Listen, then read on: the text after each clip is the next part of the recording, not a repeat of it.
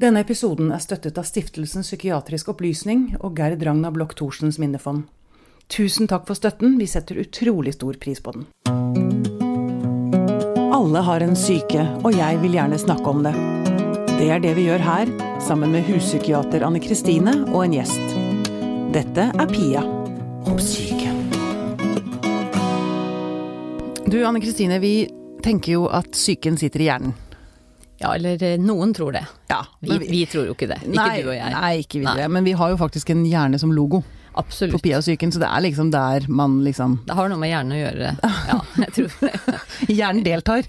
Absolutt. En aktiv og sentral rolle. Ja, kan man si. Men nå kommer det jo mer og mer forskning som, eh, som tilsier at psyken sitter mye i magen. I tarmen. Mhm. Det er ganske spennende. Det er veldig spennende, og på mange måter kanskje ikke helt overraskende. Nei, jeg tenker også det. Altså, ja, fordi ja. Nå skal jeg først presentere gjesten. Jørgen Valør, velkommen hit. Ja, Tusen takk for det. Du, du er lege eh, ved Lovisenberg diakonale sykehus, Ja. og du er spesialist på tarm. ja Er det rik riktig å si? holder på å bli spesialist på Ja. tarm. Nettopp. Mm. Eh, lege i spesialisering. Nettopp. Ja. Men du kan mye om dette med tarm. Ja, jeg har jo forska på dette her siden 2007, så det er jo plutselig ti år siden det. Ti år med tarm. Ti år med tarm. Sånn kan med det gå. Det er en bra boktittel, egentlig. Ja. Du, men det er kanskje ikke helt eh, overraskende, eh, som Anne Kristine var inne på.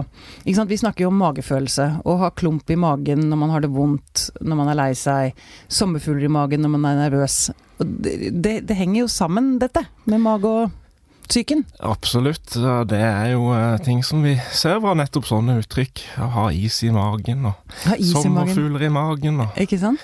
Og eh, diverse. Så det er jo veldig velkjent forbindelse. Ja, det er det absolutt. For vi kjenner jo faktisk følelsene våre i magen. Ja, Fysisk? Det, det gjør vi jo. Ja.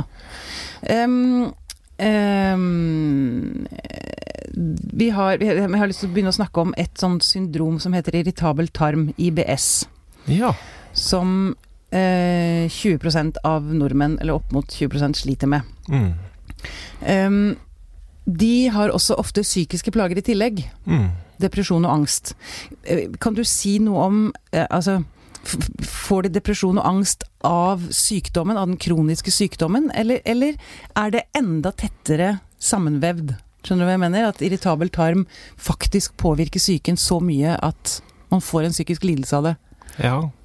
Nei, akkurat denne her sammenhengen mellom eh, psykiske problemer og tarmproblemer, den er vanvittig sammensatt, egentlig. Sånn at det er ikke det ene som gir det andre, og, og heller omvendt. Det er liksom Ja, det er litt begge deler. Det er litt rotete, dette her, faktisk.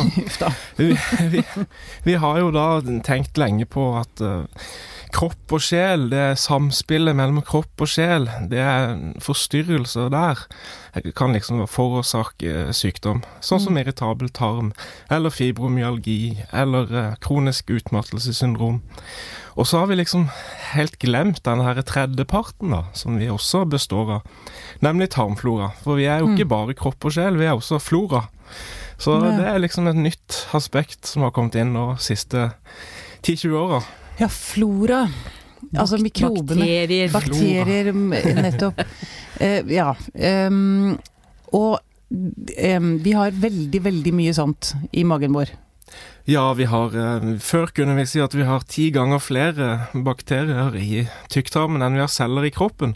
Oi. Nå må, har vi justert det der litt, eh, sånn at det sier at det er omtrent like mange bakterier i tarmen som celler, menneskeceller i kroppen. Ja. Så, og så er det jo sånn at hver gang man går på do, så blir vi jo enda litt mer menneskelige, da, for da kvitter vi oss jo med en del tarmbakterier. Hva hva mener du blir mer menneskelig? Ja, ikke sant. Da sitter der vi er, Hvis denne her forholdet er én til én, det, Mm. det ble jo forskjøvet når vi ja, har tarmtømming, rett og slett. Så enkelt.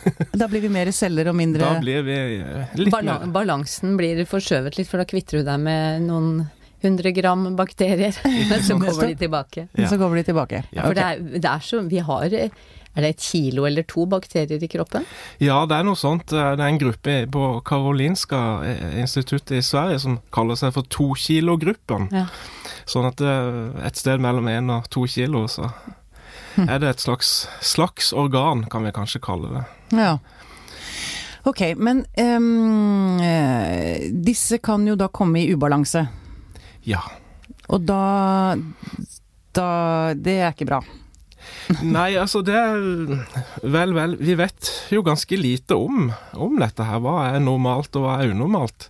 Hva er balansert, og hva er ubalansert? Det høres jo riktig ut at du skal ha en balansert og normal tarmflora for å være frisk. Eh, og det høres jo også riktig ut at forstyrrelser i tarmfloraen kan, kan eh, være med å framkalle sykdom. Men vi vet rett og slett altfor lite enda da om hva som er normalt, og hva som er unormalt. Ja. Så vi, vi har liksom så vidt begynt å utforske dette her ja, det er liksom et nytt kontinent. Det er et nytt kontinent. Det er som å komme til Amerika for første gang og prøve seg fram langs kysten og yttergrensen og møte noen innfødte der, og så gjøre seg opp noen mening om hva som befinner seg inni, inni resten. Da. Så dette er liksom siste medisin, siste villmark, Ja. på en måte. Siste villmark òg, ja. Siste villmark. Ja. Ja. Men jeg har bare lyst til å si en ting som jeg husker at jeg lærte på studiet. Det begynner jo å bli noen år siden. Men det var en som sa det så fint eh, for å understreke betydningen av tarmflora. Han sa det er ikke tilfeldig at det første det nyfødte barnet møter her i verden, er sin mors tarmflora. Fordi, ja, akkurat fordi man blir presset ut gjennom Man, man kommer ut veldig i nærheten i av av endetarmsåpningen. Av ende- endetarmen. Ja. Ja, det er riktig, og det gjør jo også alle pattedyr. De, Ja. de kommer ut sånn ved siden av endetarmen. Ja, for det, eh, man er steril når man ligger inni magen. Man er steril når man ligger inni magen, det står fast. Det har riktignok vært noen forskere som har ment at også morkaka kan ha et slags eh, bakterieflora, men, eh, men det er veldig kontroversielt, og det står fast at vi, vi er født sterile. Ja, vi, er, vi, er, vi er sterile inntil vi blir presset, vi blir presset ut langs endetarmskanalen. Akkurat. Da får vi bakterier som er helt nødvendig livsviktige for oss. Vi får det vi møter, sånn at eh, det er jo noe å tenke på når vi skal planlegge fødsler. At eh, å tas ut med keisersnitt og, og på renest mulig måte kanskje ikke er det mest naturlige, da. Altså, det er det mange som mener. Ja. Men, men disse bakteriene som man møter, hvorfor er det viktig å bli utsatt for dem? Jo, altså det er de du skal lære deg til å leve med resten av, av livet, på en måte. Ja. Vi fødes jo som en sånn beholder for, for tarmfloraen, og så, så er det tarmfloraens oppgave å befolke oss og, og videreføre seg sjøl til neste generasjon, kan vi kanskje si. Nettopp. Og så er det jo sånn at de forhåpentligvis, da, de vi møter i starten og de vi har i tarmen, de kan vi ha en god sameksistens med, og de beskytter oss også mot en del andre farligere bakterier. Ja. Som for eksempel på, det på huden nå, at fordi at vi har bakterier på huden, Mm. så er det ikke så lett for andre bakterier å slippe til. Sånn at de er jo, de er jo også vårt forsvarsverk mot verden omkring.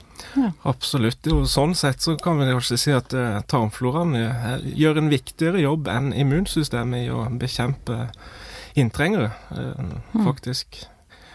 Og det kan jo bli veldig tydelig hvis, hvis tarmfloraen forstyrres. Eh, Vi har en sånn veldig alvorlig tilstand eh, i medisin som vi av og til ser, der man slår ut eh, tarmfloraen såpass mye at man får overvekst av en spesiell bakterie.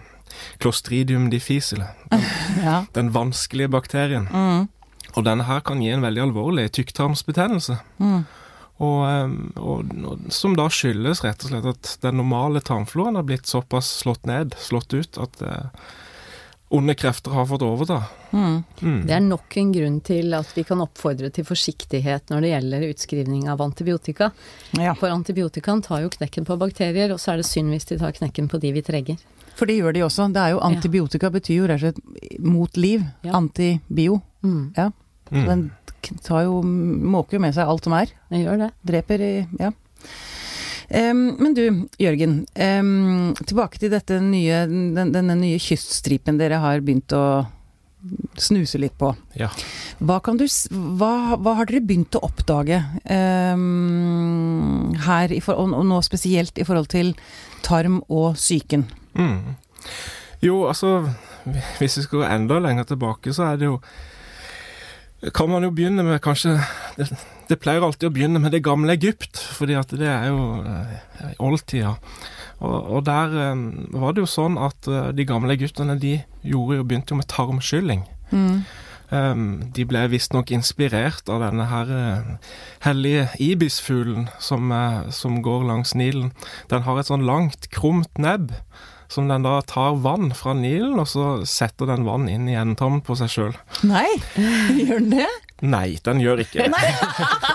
Nesten. Ja, jeg ble lurt, jeg. Men jeg er jo naiv, da. Men, men man trodde den gjorde det. Man altså, trodde, altså, ah. Det den egentlig gjorde, var å smøre inn fjæredrakta si med sånn beskyttende oljer fra Akkurat. kjertler som er rundt endetarmen. Akkurat. Men det forhindra jo ikke i at klysteret ble voldsomt populær behandling. Og, og, de gjorde det fordi De ville rense ut uh, Tarminnholdet var jo noe som var giftig. Altså noe fælt. Og det, det lukter jo ikke godt. Og ikke sant, du må kvitte deg med Kvitte deg med skitten, liksom. Mm. Det, Sånn at det har vært en del av medisinsk behandling veldig lenge. Og Storhetstida for dette her, det, det, var jo egentlig rundt om de tider hvor han eh, Molière skrev eh, om den innbilt syke, klysterbehandlinga på 1700-tallet. Og Solkongen, eh, Ludvig den 14., han han ble utsatt for eh, masse sånn klysterbehandling. Han sies jo at han satt på toalett liksom og lot seg tarmskylle mens han tok imot emissærer fra utenlandske hoff. Sånn at det var veldig spesielle forhold på Versailles den gang, tror jeg. Men noe av dette har jo også overlevd til vår tid, med, med sånn tarmskyllingsklinikker og, og sånn alt i alt, så er det jo er jo ikke dette noe som vi regner for en god behandling, altså. Det har jo også risikoer ved seg. Men, men selve tanken om at tarminnholdet har noe å bety for helsa, den eh, må vi jo ikke heller slå ut med badevann, da, for å si det sånn. sånn at, eh, og, og, det kom liksom en ny bølge på midten av 1800-tallet. Stor interesse for tarmflora. Fordi da begynte, begynte jo da Louis Pasteur å beskrive bakterier. Ja. Da ble bakteriologien etter hvert den fremste medisinske vitenskapen på den tida, på 1850-tallet. Og i liksom kjølvannet av det, så, så, begynte man jo også å mene at tarm, tarmens eh, bakterieflora, eller mikrobesamfunn, også var viktig for eh, helsa. Og man utvikla sånne teorier om at man ble forgifta innenfra av tarminnholdet. Kalte det for intestinal autointoksikasjon. Og eh, dette her var noe som eh, ganske mange leger eh, hang seg på. og Faktisk i 1913 så hadde man et stort symposium, et møte om dette her i London, i Royal Academy, hvor man diskuterte til fullt ut alle mulige tilstander hvor tarm, tarminnholdet og tarmfloraen kunne ha betydning for helsa. da. Ja. Så kom jo dette her etter hvert i vanry, og kanskje mye fordi at man man begynte jo å behandle deretter. Altså, hvis man da trodde at tarminnholdet var skadelig, så begynte man jo da Det var en logisk konsekvens å mm. fjerne tykktarmen, f.eks. Sånn at eh, da Det var jo en kirurg som begynte å gjøre. Sir Arbuthnot Lane. Fordi man trodde man ble friskere av å fjerne tykktarmen? Han liksom? mente at hvis du var litt sliten og trett, eller hadde en psykiske problemer eller hysteri, så kunne det hjelpe å fjerne tykktarmen, rett og slett. Han Det funka vel ganske dårlig, skal jeg tro? Ja, det gjorde nok det. det. Det, hører vi ikke så veldig mye om, men, eh, men det er nok en, en, en sånn behandling som han da har ja, ikke akkurat kan være stolt av i medisinen. Nei, nei. Det fins et par sånne. Det fins et par sånne. ja, Gått på et par feilskjær opp igjennom. Ja. ja. Ok, men nå da. Nå er tarmen tilbake i Nå er det en ny bølge igjen. ikke sant? Det har svingt eh, fra klysterets storhetstid til bakteriologens eh, storhetstid, og så mm. nå er det liksom eh, mikrobiomets storhetstid. Og, og mikrobiomet, det er derfor Altså, dette er genmaterialet til tarmfloraen. Har man da kunnet kartlegge på en måte som man ikke har kunnet gjøre før. Mm. Sånn at man har da før måttet, um, for å påvise bakterier, dyrke de i laboratorium. På sånne skåler. Røde skåler, sånn Petri-skåler. Mm. Og det er jo slettes ikke alt som vokser på sånne skåler. De krever veldig spesielle forhold. Men man kan omgå det der å skulle dyrke ved å se på genmaterialet, oppbygning av tarmfloraen. Og da har man blitt klar over at det er veldig mange flere arter eh, og et langt rikere genmateriale i tarmfloraen enn man hittil hadde kunnet forestille seg. Altså, vårt genom er jo imponerende nok, og i sin tid fikk jo det veldig stor oppmerksomhet, men, men um, samla sett så har disse her mikrobene som bor i tarmen, de har en arvemasse som er med, med i hvert fall 100 ganger flere gener enn oss. At det er veldig imponerende hvordan den kompleksiteten er. Og det er jo liksom i kjølvannet av den der mikrobiomæraen nå, som, som er for fullt uh, midt i medisin nå, at dette har blitt populært igjen.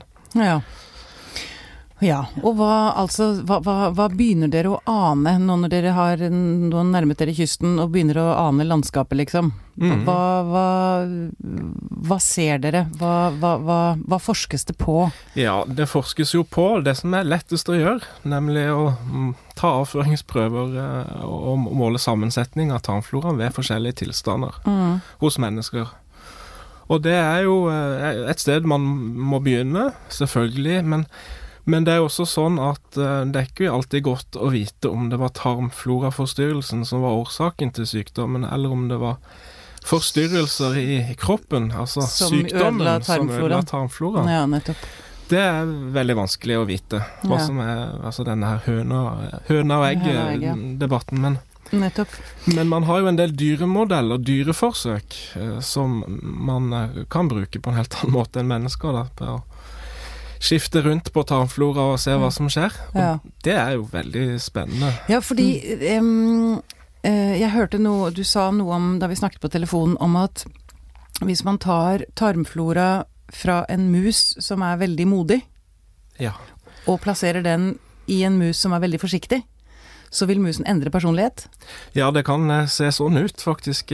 Dette er en del år tilbake på McMaster-universitetet i Canada. Stephen Collins gruppe. Han det er jo nemlig sånn at eh, mus, på samme måte som mennesker og, og hunder for så vidt, har forskjellige gemytt.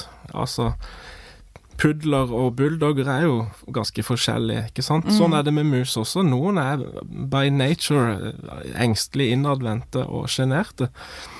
Balbsemus kaller vi en rase som er kjent for det. Og så mm. er det mus som er mer utadvendte og nysgjerrige og tøffe. De eh, sveitsiske mus. Er kjent for det. så i laboratoriet i Canada så bytta eh, gruppa forskerne der rett og slett switcha tarmflora mellom disse to museartene, og så så man da at eh, de engstelige musene de, de, fikk, de ble ikke like tøffe som de sveitsiske, men de ble tøffere og, og omvendt, da. Ehm, nå er jo dette her målt på en sånn eh, litt sånn finurlig måte. Vi vet jo veldig lite om hvordan mus tenker og, og, og følelseslivet til mus, men, men, man brukte i hvert fall en sånn test der man lar musa stå på en plattform, og så, så måler man rett og slett den tida den musa bruker på å hoppe ned fra plattformen for å utforske omgivelsene, da. Mm. Eh, så man måler Ja, tar tida på det. Og den tida der eh, er jo et uttrykk for hvor liksom nysgjerrig musa er. Hvor frempå, eller hvor, hvor tøff. Du får sånne ville fantasier om at nå blir det ikke lenger bare liksom donering av sæd og egg og sånn, men nå blir det sånn donering av tarmflora. Ja, jeg også lurer på for, Kunne jeg få en ny tarmflora, eller endre den så ikke jeg var så lei meg, liksom? Mm. Vi, vi, får noen, vi, får noen, ideer her. Ja, ikke sant. Og, og, og eh, sånn som, altså, sånne psykiske lidelser som altså, Kan man begynne å tenke seg at sånn som schizofreni, eller min sykdom, bipolaritet, depresjon, angst Altså, kan, kan det være sånn at mye av det der bor i tarmfloraen? At ved å endre den, så kan man mildne, om ikke annet, eh, sykdommer? Ja, altså det ser man at dette feltet åpner opp for veldig mye eh, sånn eh, Skal vi si science fiction. Men, mm. men også dette har vi jo begynt å ta på alvor og undersøke på alvor. Og det er jo forskere som mener at man f.eks. kan eh, manipulere tarmfloraen. Da er en måte å behandle psykiske lidelser på. Eh, man vet jo disse her Eh, Tine Meieri og Biola og, og sånn, Idoform og sånn, eh, probiotika. Probiot, ja. Snille bakterier som du kan spise. Eh, det er jo noen forskere som har begynt å kalle altså se for seg at man kan få sånne bakterier mot psykiske lidelser, da. Mm. For eksempel, og de kaller man for psykobiotika. Ikke sant? Ja. Du kan liksom manipulere atferd med bakterier. Ja. Nå har jeg bare lyst til å spørre, Ja. for, um, og dere begge Hvis man f.eks. Altså, er, eh, vil man anbefale mennesker som sliter med psyken å ta probiotika? Er er det noen, på noen måte farlig? Eh, Altså, kan man teste dette sjøl? Eller må man til en lege for å avklare Altså, spise Cultura eller um... Alle kan kjøpe Biola. Alle kan kjøpe Biola, det er ikke eh, reseptbelagt. ja, men som forsker så vil jeg si bør alle kjøpe Biola, rett og slett. Ja. Fordi at Alle eh, bør. Ikke. Ikke. Nei. Kanskje bør, kanskje bør man ikke spise Biola. Nei. Altså, tanken er jo fin, men, eh, men forestillingen om at man liksom kan gjøre bot på et økosystem ved å tilføre én art sånn, det har vi jo sett mye eksempler på at det har gått galt opp igjennom. ja. Begynner å klusse med naturen. Ja, vi vet jo hvordan det gikk når man ville sette ut kaniner i Australia, eh, eksempel. Men eh, vi skal ikke overdrive dette her. Det er Og Det er- kongekrabbe på vestlandskysten. ja, Ja, sånne ikke ting med, med kluss, klusse med skaperverket. Men Men, men hvis man har en ubalanse, tenker jeg eh, Men jeg- Hvis man det- sliter med Jeg har bare lyst til å si at eh, det som eh, Det som vel er helt sikkert, det er at vi vet jo ikke årsakssammenhengen enda. Det var jo Jørgen inne på i stad. Sånn at eh, det blir kanskje litt for enkelt å si at eh, det er litt sånn A pluss B er lik C. Altså det er mer komplisert. Ja. Og så må vi heller ikke redusere psykiske helseplager til en tarmforstyrrelse. Nei. Eh, Så det som du fortalte om disse musene, det er jo det at kanskje vil det etter hvert være mulig å bruke også endring av tarmflora som et ledd i behandlingen. Mm. Men det er jo ikke sånn at du får en schizofreni fordi du har feil tarmbakterier. Altså vi er, det er jo ikke det vi snakker om. Nei. Men, men altså vi, vi vet jo for lite enda. Ja, ja. Men, eh, Men det er jo- men jeg blir sånn opptatt av det, fordi at eh, jeg er jo opptatt av at altså kropp og sinn henger sammen, og vi er ett system. Mm. Så det er ikke noe mål i seg sjøl å tenke at alle psykiske helseplager skal fikses med en fysisk Nei. Greie. Nei. Så vi, vi må klare å se begge deler på en Men, gang. men på sikt så kan man kanskje tenke seg at man kan få drahjelp Mm. ved å, ved å, ved å hjelpe tarmfloraen med å få en sunnere Altså hvis den ikke funker er, er, er Ja, poenget var jo også litt at uh, hvis man da ser for seg at man skal utvikle sånne psykobiotika, så blir nok neppe eh, laktobasiller og bifidobakterier er nok neppe de rette artene til å gjøre det, altså. Ok, nå, nå, Så- Og det er nå de gikk, som er nå, gikk det rett, rett over hodet med meg. Anders skjønte jeg hva du sa. Ja. Nei, dette er komplisert, men, men de bakteriene som vi kanskje tror er mest gunstige og kan ha nytte av å tilføre, de, det er jo ikke de samme bakteriene som nødvendigvis er så lett å tilsette i mat og dyrke fram i Mm. store meierifabrikker. Mm, nei, nettopp. Ok. Så, men dette her er jo også veldig gammel tankegang, dette med å gi bakterier ved psykiske lidelser. Dette begynte man med på begynnelsen av 1900-tallet, faktisk, å prøve ut uh, melkesyrebakterier mot psykose, mot melankoli. Ah, ja. Sånn at det har liksom vært prøvd ut før Men det funka ikke. Man mente vel at man hadde kanskje litt effekt, men så Mm. Jeg har vært på i- eh, Gjessings laboratorie på Dikmark. Eh, og der står det jo flasker Nei, sånne svære sånne glassbeholdere med tørka avføring. Og Ja. det er jo fra begynnelsen av Altså de første tiårene på 1900-tallet. Akkurat. Men um, dere, nå om dagen så er man jo utrolig opptatt av uh, kosthold. Altså det er jo blitt en sånn, holdt på å si, ny uh, Religion. Ny religion, ja nettopp, det var ordet jeg var ute etter. Uh, og nesten sånn at den kan nesten grense mot sykelig, ikke sant. Fordi man, man er så opptatt av hva man spiser at man knapt nok har tid til å leve. Men uh, maten, altså det vi putter inn i oss, har jo mye å si. Um, ja, opplagt. og, og, og det påvirker vel også tarmfloraen, ikke sant, hvis man spiser mye dårlig mat.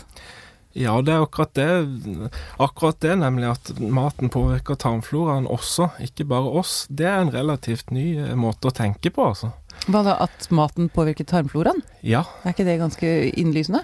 Jo, det kan man si, men man har jo eh, nesten hele ernæringsvitenskapen er jo bygd opp rundt dette her med at du spiser noe, og så påvirker det en eller annen ting i kroppen. Og så har man liksom det der mellomleddet i hva som skjer i tarmen, det har man ernæringsfysiologien brydd seg ganske lite om Ah. eh, inntil nå, altså. Sånn at, lærte jo ingenting om det på studiet da jeg studerte. Da var det liksom sånne skjema, eller sånne tegninger, ikke sant. For det kom en liten da, matbit som ble brutt ned i tarmen, og så svopp ble den opptatt av nærmeste tarmcelle. ja. Men det derre laget med bakterier imellom, det var ikke-eksisterende i alle forklaringer. Det er nok riktig, og det er jo sånn eh, Altså, selve hovedgrunnen til at vi har en tarmflora, eh, hvis vi kan si det, det er jo at den skal hjelpe oss med å bryte ned mat. Mm. Det er liksom Og ta, ta til seg næring. Ja, Eller skal den bare bryte Den ned? skal bryte ned mat. Altså, alle dyr som spiser planter, de må ha hjelp av bakterier for å kunne bryte ned plantemat. Så Mm. alle planteetere har et sånn gjæringskammer, kan du si. Mm. Eh, kuer og sauer de har det plassert foran magesekken, en sånn kjempevom, hvor de gjærer og drøvtygger og sånn. Eh, hester de har eh, en enorm tykktarm. Ja. Mens mennesker, vi, vi har et sted midt imellom. Altså vi har, vårt gjæringskammer det er i tykktarmen, spesielt første del av tykktarmen. Og der, eh, der bryter bakteriene ned tungt fordøyelig mat. Ofte er det plantemat, fiber og, og tungt fordøyelige sånne karbohydrater, som tarmfloraen da hjelper oss med å bryte ned. Mm. Og da blir det næring. Altså, tarmbakteriene bryter dette ned til kortkjeder fettsyrer og gass. Og dette er ting som kan suges opp og brukes av kroppen vår. Og faktisk eh, har man regnet ut at eh, 10-15% av energibehovet vårt kan dekkes på den måten. Mm. Altså ved hjelp av eh, tarmbakteriehjelp, da. Ja. Hos, eh, hos dyr som er helt avhengig av å spise planter som eh, kuer, de dør jo de hvis de får fjerna eh, det bakteriebidraget til, eh, til kosten. Så det, og dette her har vært helt neglisjert, dette her med tykktarmens funksjon. Det lærte jo også jeg om på studiet. Det var jo å liksom suge opp vann og oppbevare avføring fram til du skulle på do. Men, eh, men den har også en veldig viktig del som sånn fordøyelsesorgan, da. Mm. Som eh, han ikke lærer så mye om på medisinstudiet, men som f.eks. dyrleger lærer veldig masse om. Ja, men, men som kanskje nå får en eh, økt betydning. Kanskje Ja, det blir det, så det høres ut som det er ganske viktig, Det er ganske viktig. ikke sant? Ja. ja. du, du snakket litt om Jeg har bare lyst til å snakke litt mer om, om eh, IBS, denne irritabel tarmsyndromet. Eh, dere fant ut at Skal vi se, det var et eller annet dere fant ut Ja, der. Eh, at tungt fordøyelige karbohydrater forverrer plager hos mennesker med IBS. Fant dere ut for en del år siden. Ja, altså Fant ut og fant ut, og det er jo farlig å si hvem var først og, og finne ut av ting og sånn, fordi dette var egentlig noe som man visste om også på begynnelsen av 1900-tallet. Å ja, okay. Man, eh, to tyskere som beskrev en, eh, et sykdomsbilde som ligner veldig på det som vi kaller for irritabel tarm i dag, som de kalte for gjæringsdyspepsi, eller gjæringskolitt. Det var da en sånn mageplage kjennetegnet ved mye gass, mye smerter i magen og uregelmessig avføring. Mm. Og, og de mente jo at dette var en forstyrrelse i hvordan tykktarmen håndterte eh, denne her gjæringsprosessen, da. Mm. At, at eh, den forårsaka trøbbel. Uh, og, og behandlinga den gang var i hvert fall å, å spise mindre, eh, få i det eh, Spise lite mat som, som, som blir til bakteriemat, da, for å si det sånn. Mm. Spise lite plante og grovt. Spise Ja. Ja.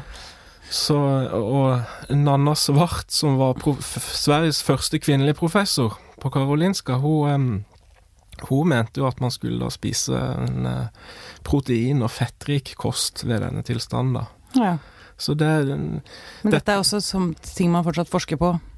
Dette er ting som har blitt henta litt fram igjen, i, i kanskje ikke like ekstrem grad som, som dietten til Nanna Svarts, men, men i hvert fall dette her med at å spise så veldig mye fiber, som jo ble sunt på 1970-tallet, det har man da kanskje skjønt at de som har eh, problemer med mye gass, mye uregelmessig avføring, kanskje ikke er så lurt. Mm. Sånn at eh, denne her pendelen har, den svinger litt fram og tilbake, da. Ja. Det er jo viktig å, å spre, altså spre kunnskap når vi får den, fordi at sånn generelt sett så får jo alle beskjed om å spise mest mulig fiber omtrent. Ja. Det er sånn derre spis fiberrik og drikk vann.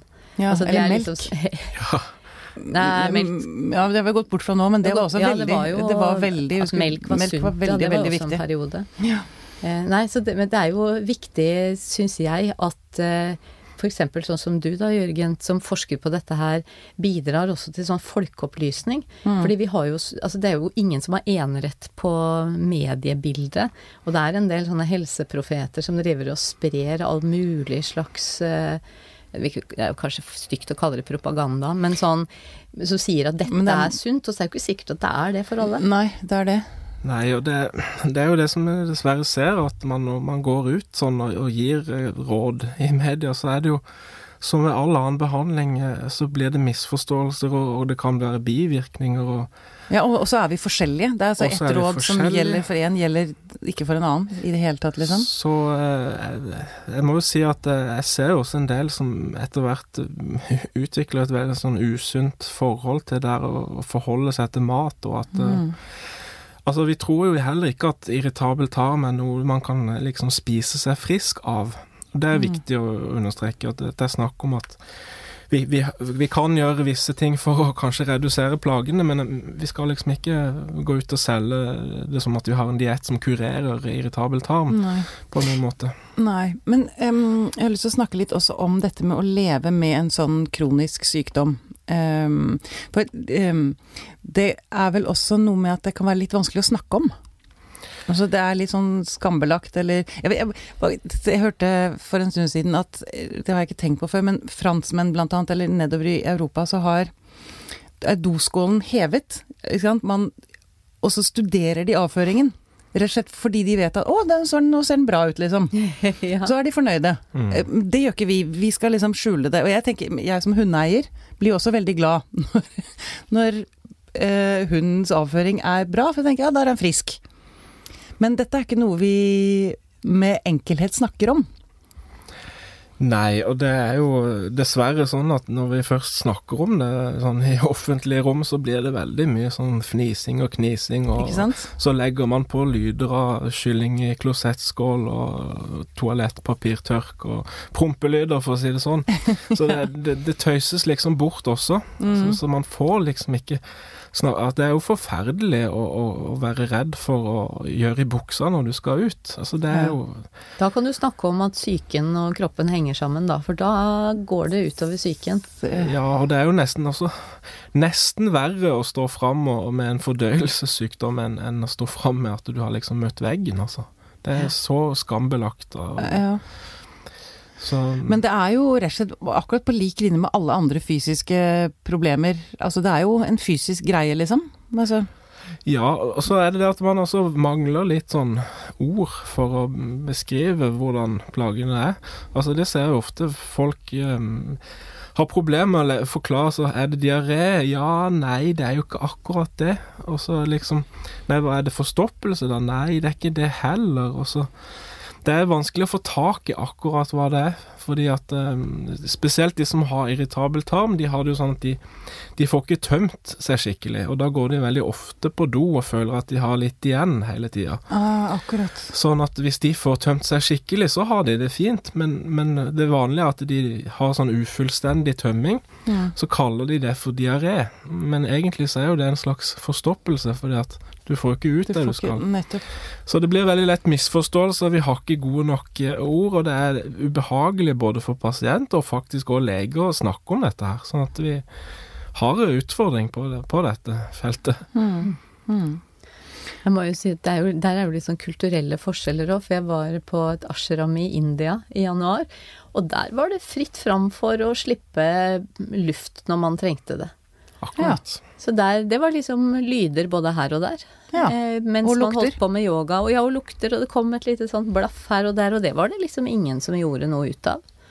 Det, det høres sånn jo det egentlig ganske deilig ut. Ja, for det er vi er veldig ganske- normalt. Ikke sant? Og- For man får jo litt mageproblemer hvis man hele tiden alltid skal holde det inne. Altså, man må jo slippe luft ut. Og de av oss som har gått i turnus og hatt eh, 27 eh, timer på vakt i strekk, Ja. istedenfor å ligge hjemme i senga vår og slippe sånne små doser med luft jevnt og trutt gjennom natta uten at noen Mm. merker det, Mm. vi får vondt i magen. Nettopp. Man kommer hjem etter 27 timer på vakt med sånn oppblåst mage, for det passer liksom aldri å slippe den lufta. Nei. Nei. Og for, for en normal tarm promper. Ja, det er klart. eh, Det, det skal jo ut. Og gassen har jo viktige funksjoner også, så Men, eh, men akkurat den her eh, Hva er hva av, av psykisk og, og fysisk og sånn, det er jo litt sånn Jeg er jo enig i at det, det, det blir ofte litt sånn eh, polarisert, unødvendig, og hva kommer egentlig ut av det? Er det så fruktbart å snakke sånn? Men når det er sagt, så er det jo ikke veldig lenge siden at uh, magesår var jo en sykdom som eh, så hvor man da rett og slett mente at, at grunnen var jo at pasienten var, hadde psykiske problemer. da. Ja. At det, det, kunne liksom Man hadde en sånn psykodynamisk eh, teori om at eh, hvis du ikke fikk eh, Du hadde uløste konflikter, og hvis, hvis ikke du fikk orden på det, så kunne liksom psykisk energi bygge seg opp og, og, og sk- stress, Ja, og så skrape seg hull på magesekken. Ja. Ikke sant? Sette seg ordentlig fysisk i kroppen. Mm. Så eh, Men da var det vel en det var vel nobelpris i medisin, det? Var det australier som fant av Ja, det var to påviste at det var to australiere påviste at det var en bakterie, rett og slett? pylori. Helicobacter pylori. Akkurat. Og- Skulle bli fine ord. Ja. Det er litt morsomt, fordi at dette her var akkurat i den tida hvor eh, ja, Ingvar Wilhelmsen kjenner jo kanskje Mm. mange. Han Det er ikke mer synd på deg enn på andre. Det er ikke mer synd på den andre. Hypokonderlegen fra, fra Bergen. Han, Mm. han var jo i ferd med å gjøre sitt doktorgradsarbeid på Haukeland eh, i den brytningstida der. Mm. Og eh, på den tida så var kognitiv eh, atferdsterapi veldig nytt, veldig spennende, og skulle man da forsøke å behandle magesår med kognitiv eh, terapi.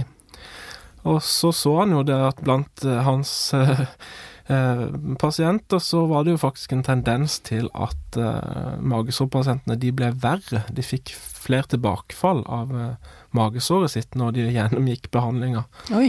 Så dette her ble jo publisert uh, i, i Lancet, faktisk, uh, som et fint tidsskrift. Og, og, men, men samtidig så, så ga han jo også sine magesårpasienter antibiotika. Uh, og det var jo helt nytt, blant de første som gjorde det i, i Norge. Ja. Og da ble de friske. Sånn at Det er en litt sånn morsom historie som Ja. viser at Vel henger ting sammen. Det er klart, stress betyr jo noe. Det er ikke alle som har helikobakter, denne magesårbakterien, som får magesår og sånn. Men poenget er at du, du kan faktisk bli frisk av det hvis du, hvis du får bort bakterien. Ja, Så det, det er jo ganske spennende historie. ja, ja. Sånn, eh, veldig. Ok, eh, til slutt. Er det noe annet du tenker det er viktig å få frem når det gjelder tarm og syke? Noe vi ikke har berørt her som, eh, som du tenker det er viktig å formidle til lytterne? Ja, så det ligger jo masse muligheter her, og vi, vi har jo vært inne på dette her til det kjedsommelige, at vi vet jo så lite. Men, men, eh, men når vi etter hvert begynner å, å skjønne mer mekanismer, eh, og det er, jo, det er jo den veien vi må gå, og det er jo nye dyreforsøk faktisk som, som viser at når du gir mus eh, tarmflora fra sy pasienter som er syke, har irritabel tarm, Mm. så ser det ut at noe av disse forstyrrelsene der smitter over på dyret. Ja. Så det er jo veldig sånn spennende tid for oss som holder på med, med tarmflora. Og, men det, det er jo klart at vi må jo være litt sånn eh, edruelige oppi denne her mikrobiomrusen. og og eh, selvfølgelig, det er jo ikke alt som sikkert kommer til å slå til heller, men det er jo fantastisk morsomt. Det er det jo. Hva, er det, hva drømmer du om? Hva, hva ser du liksom om to, Nå, altså, fem, ti, tjue 20 år? Potensielt så er jo dette her et Tarmfloren er jo et organ som, som er manipulerbart på en Mm. helt annen måte enn uh, vår egen kropp. Sånn at man kan jo se for seg å påvirke ikke bare med sånne probiotika, som jo kommer til å bli ganske annerledes enn en Tines biolabakterier, men Mm. Men også er det jo veldig mye snakk om eh, transplantasjon av avføring, og det er jo snakk om å påvirke med sånne prebiotika, altså du gir mat som er skreddersydd for visse bakterier, og det, Mm. Ja, for å oppnå for å oppnå eh, ting, manipulere tarmfloraen i en sånn retning som kan være gunstig. gunstig for mm. Mm, sånn at det er Det ligger store muligheter her, men det, vi er jo langt fra liksom å kunne si at dette her betyr eh, alt for dette, og at vi Altså Selv om vi kunne gjort det, så er det også eh, veldig vanskelig å vite hvordan man best skal liksom manipulere tarmfloraen. da. Mm. Å gi avføring er jo, for å si det sånn, det er jo quick and dirty. Altså det er jo ikke Det er jo ingen leger som, det er jo ingen legers ønskedrøm å skulle gi avføring som behandling. Det er klart. Det, det går i hvert fall veldig på tvers av alt man liksom tenker og tror. Men jeg hus husker enda en pasient fra studietida som fikk transplantert avføring fra nære familiemedlemmer fordi at eh, tarmen hans hadde gått helt i stå. Ja. Og det var nærmest livreddende for den mannen. Ja. Ja. Og det, og, det, og det gjelder jo denne her eh, tarminfeksjonen som vi snakka om før, med den klostridium clostridium difficile. Der er avføring god behandling. Mm. når, eh, når man liksom står og ikke har andre muligheter å gi. Men det er også den eneste som man, man har eh, Det er den eneste tilstanden som man bør behandle med, med avføringstransplantasjon per i dag, da. Ja. Vi mangler eh, vi mangler rett og slett forskning på andre tilstander. ja. Og det er heller ikke så lett nødvendigvis å forandre tarmfloraen på den måten. Mm. Så vi må også være forsiktige, og man blir jo veldig ydmyk når man skjønner hvor komplisert ting er. Altså, Mm. Rett og slett. Ja. Men det er jo i hvert fall eh, Det er jo spennende. Så har vi forhåpentligvis i dag da bidratt til at, å gjøre dette her til noe det går an å snakke om. Det får vi jo håpe på. Snakke om på. promp og bæsj. Veldig naturlig. Veldig. Det er helt nødvendig. Helt nødvendig. Alle bæsjer. Skikkelig nødvendig, rett og slett. Ja. Vi blir friskere. Ja, altså for å sitere. Rosini, magen er jo vår lidenskapers uh, store kapellmester, ikke sant? Det, er- Ok. Mm. Dette betyr mye. Det betyr mye. Da vil f- vil bare takke Jørgen Valør for at eh, han kom og delte av sin eh, ekspertise på feltet. Og ønske alle en god tarmdag. Ja. Ta vare på tarmen. Ta vare på tarmen. Takk skal du ha, Jørgen. Tusen takk.